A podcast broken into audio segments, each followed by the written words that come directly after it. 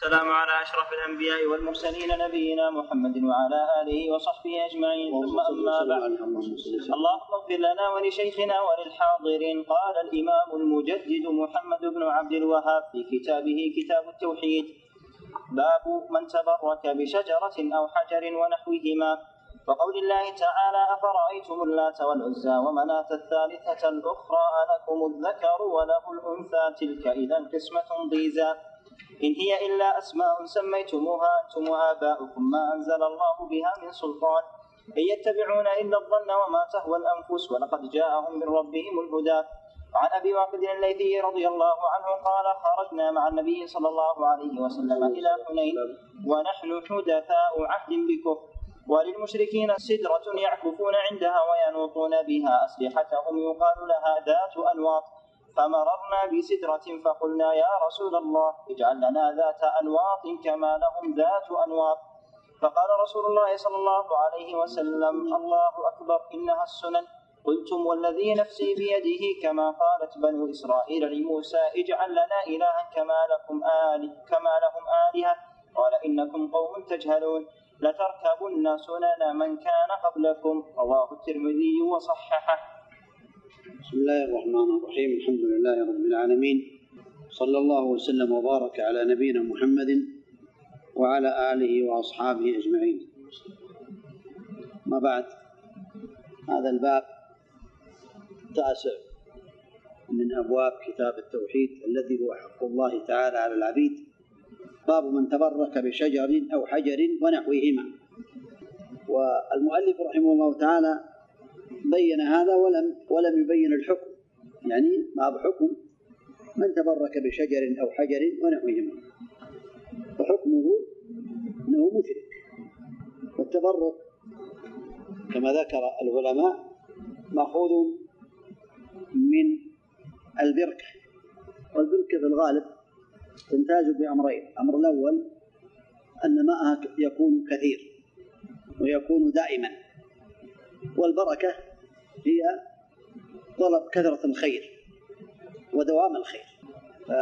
فالمعنى من تبرك بشجر أي طلب البركة والدوام أو حجر ونحوهما أي من الأمور الأخرى التي تبرك بها. فإن حكمه يكون مشركا. لكن هل يكون مشركا شركا أكبر أو أصغر؟ على ضربين ونوعين. إن كان يعتقد بأن التبرك بهذه الأشجار والأحجار ينفع ويضر أو أنها تقربه إلى الله تعالى ويجعلها بينه وبين الله وسائط هو شرك أكبر. فإن كان يظن بأنها سبب من الأسباب التي يعني جعل الله بها بركة وهو يتبرك بها من باب يعني سببا من باب الأسباب هذا شرك أصغر. قوله تعالى فرأيتم اللات والعزى. اللات هي رجل كان يلج السويق للحجاج في الطائف. اللات فمات فعبدوه عبدوا قبره من دون الله تعالى. وقيل بأن المعنى أنهم عبدوا هذه الحجرة التي كان يلت عليها السويق. وهو صنم بالطائف يعبده أهل الطائف في زمن المشركين. والعزى قيل بأنها ثلاث شجرات سمورات قرب المكة بين مكة والطائف. يعبدها الناس ويتقربون بعبادتها.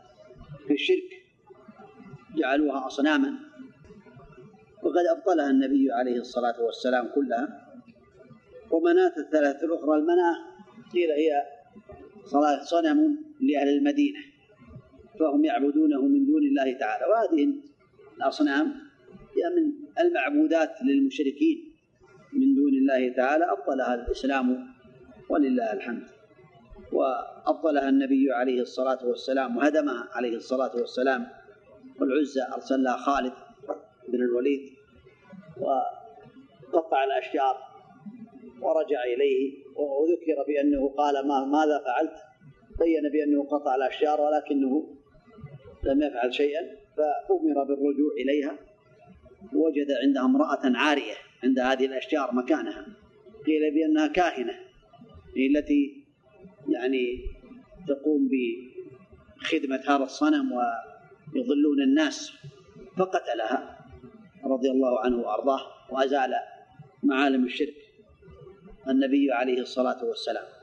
وحديث أبي واقد الليثي قال خرجنا مع رسول الله صلى الله عليه وسلم إلى حنين ونحن حدثاء عهد بكفر. النبي عليه الصلاة والسلام قدم من المدينة بعشرة آلاف من المسلمين لفتح مكة عليه الصلاة والسلام. وحينما فتح مكة عليه الصلاة والسلام خرج إلى حنين ومعه معه ألفين من حدثاء العهد بالإسلام. فكانوا اثني عشر ألفا عند الخروج. فهؤلاء حدث عهد بالإسلام. يعني حينما خرج النبي عليه الصلاة والسلام إلى حنين آه، قالوا حينما مروا بسدرة يعبدونها أو ينوطون بها بعض المشركين أسلحتهم ينوطون أي يعلقون. رجاء البركة. فقالوا للنبي عليه الصلاة والسلام اجعل لنا ذات أنواط كما لهم ذات أنواط. فالنبي عليه الصلاة والسلام استغرب ذلك وتعجب. عليه الصلاة والسلام وقال الله أكبر إنها السنن. هذا يدل على أن الإنسان حديث عهد الإسلام أو حديث العهد بالإسلام قد يقع في بعض الأخطاء. والإنسان الذي عنده بعض البدع يخشى عليه من أن يقع في بدع أخرى. ولهذا هؤلاء أسلموا وحصل منهم هذا. ولم يقصدوا الشرك ولو قصدوا الشرك وتعبد وجعل هذه الشجرة واسطة بينهم وبين الله لكفروا. ولكنه شرك أصغر فالنبي عليه الصلاة والسلام تعجب وقال الله أكبر. من السنة إذا تعجب الإنسان من شيء أو استغرب شيئا أن يقول الله أكبر. أو يقول سبحان الله يا ثبت هذا وهذا الله أكبر. استغرب شيئا أو استنكر شيئا تعجب من شيء الله أكبر. أو يقول سبحان الله. هذا هو السنة. قال الله أكبر إنها السنن يعني الطرق التي عملها المشركون والتي عملها اليهود والنصارى ممن كان قبلنا. قلتم والذي نفسي بيده كما قالت بنو إسرائيل لموسى اجعل لنا إلها كما لهم آلهة. قال إنكم قوم تجهلون. هذا يدل على أن النبي عليه الصلاة والسلام بكلامه هذا حذر من يعني اتباع من قبلنا في باطلهم منها أو من هذا التأكيد قوله الله أكبر وقوله إنها السنن قوله قوله قلتم والذي نفسي بيده حلف النبي عليه الصلاة والسلام في في الله تعالى الذي نفسه بيده كما قالت بنو إسرائيل. ثم قال لتركبن سنن من كان قبلكم يجوز سنن وسنن طرق. من كان قبلنا من اليهود والنصارى كما جاء في الأحاديث الأخرى. هذا يدل على أن التبرك لا يجوز إلا بما شرع الله تعالى. فإذا كان في غير ما شرع الله فيكون من الشرك. والتبرك المشروع يجوز التبرك بالنبي عليه الصلاة والسلام في حياته بجسده وبعرقه عليه الصلاة والسلام وبما أنفصل من شعره عليه الصلاة والسلام. لما جعل الله تعالى فيه من البركة. ولا يقاس عليه أحد من الناس عليه الصلاة والسلام وإنما هذا خاص بالنبي عليه الصلاة والسلام. أما غيره من الناس سواء كان صالحا أو عظيما أو يعني من أفضل الناس كأبي بكر وعمر وعثمان وعلي رضي الله عنهم لا يتبرك بهم. وإنما هذا التبرك خاص بالنبي عليه الصلاة والسلام. وأما الأشجار والأحجار فلا يتبرك بها. قد تكون بعض الأشياء مباركة لما جعل الله تعالى بها من البركة. كالأماكن مكة حرم مبارك لكن لا يتبرك به ولكنه يتبرك بالعمل الذي يعمله. يرجو من الله الثواب عليه. إذا اعتمر يرجو هذا الثواب. إذا صلى في مكة يرجو الحصول أن يحصل له مئة ألف صلاة. هذه لما جعل الله من البركة كون يتبرك بذاتها لا وإنما بالأعمال الصالحة. القرآن مبارك لكن لا يتمسح بالقرآن وإنما يعمل به. العمل بالقرآن زمزم مباركة كذلك وماء مبارك جعل الله بها بركة. والخلاصة أن الإنسان ويشرع كذلك التمسح بزمزم يعني كون يصب عليه نفسه. جلده أو يشرب منها كما فعل النبي عليه الصلاة والسلام فلا بأس أن يتبرك بها بالماء ماء زمزم بركة لما جعل الله فيه من البركة.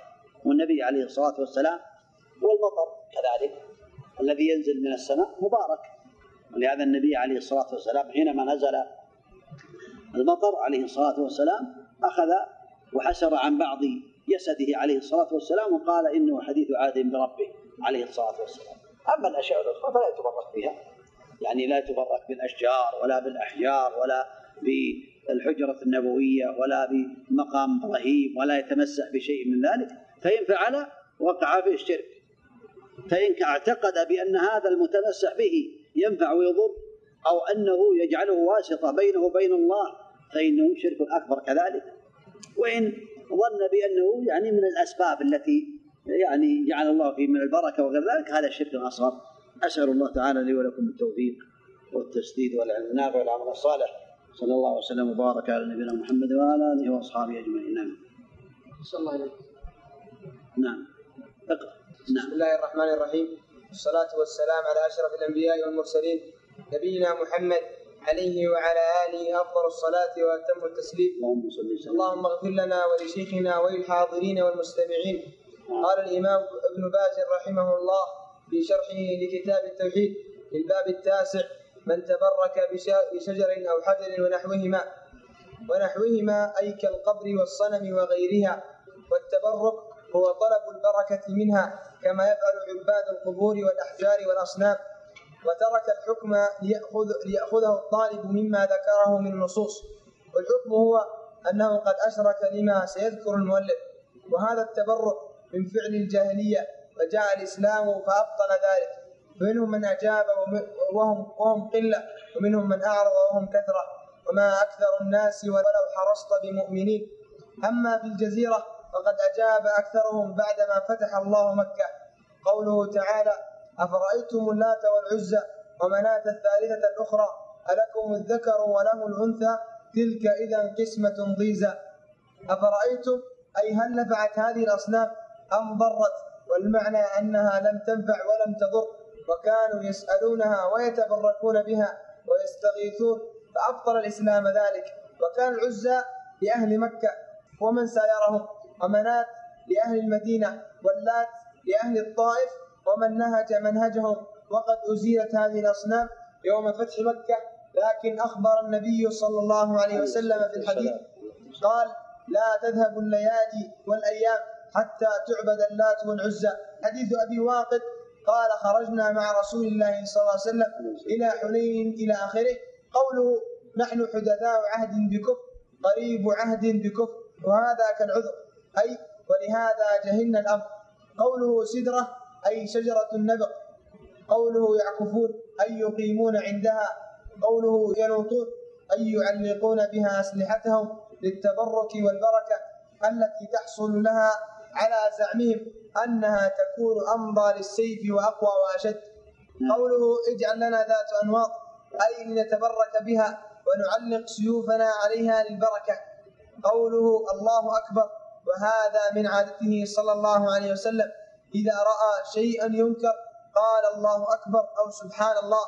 وهذا من السنة أن يقول الإنسان ذلك عند الإنكار وكذلك عند الإعجاب بشيء كما في الحديث وأنتم ربع أهل الجنة. قالوا فكبرنا. قوله إنها السنن. أي عبادة الأشجار والأحجار والتبرك بها هي السنة المعروفة عند الناس السابقين. أي هي طريقة الناس قديما ودائما. قوله بنو إسرائيل وإسرائيل هو يعقوب بن إسحاق ابن إبراهيم وبنوه هم اليهود ومن انتسب إلى إسرائيل. قوله اجعل لنا إلها كما لهم آلهة هذا قاله اليهود. لموسى فرد عليهم موسى وذك- وذكرهم بالتوحيد. وهكذا هؤلاء تأسوا بأولئك جهلا ولم يكونوا يعرفون حكمه لأنهم حدثاء عهد بكفر. وهذا يدل على أن الاعتبار بالحقائق لا بالألفاظ لأنهم طلبوا شيئا يعظ- يعظمونه ويتبركون به كما فعل بنو إسرائيل. وإن اختلفت الألفاظ ألفاظ الفريقين فالباطل باطل وإن اختلفت الألفاظ قوله لتركبن سنن من كان قبلكم بضم السين وبفتحها وهي الطرق. أي أن هذه الأمة ستبتلى بما ابتليت به الجاهلية من عبادة القبور والأحجار والتبرك بها وهذا حصل. وقاله صلى الله عليه وسلم إخبارا بأنه سيقع فحذر منه وأن الواجب هو الثبات على عبادة الله وحده كما فعل الأنبياء. أما التبرك بالقبور وغير الله فهذا من فعل اليهود والنصارى وأهل الكفر. انتهى كلامه رحمه الله في الباب التاسع. نسأل الله عز وجل لنا العلم النافع والعمل الصالح. والتوفيق لما يحب ويرضاه. صلى الله وسلم وبارك على نبينا محمد وعلى آله وأصحابه أجمعين.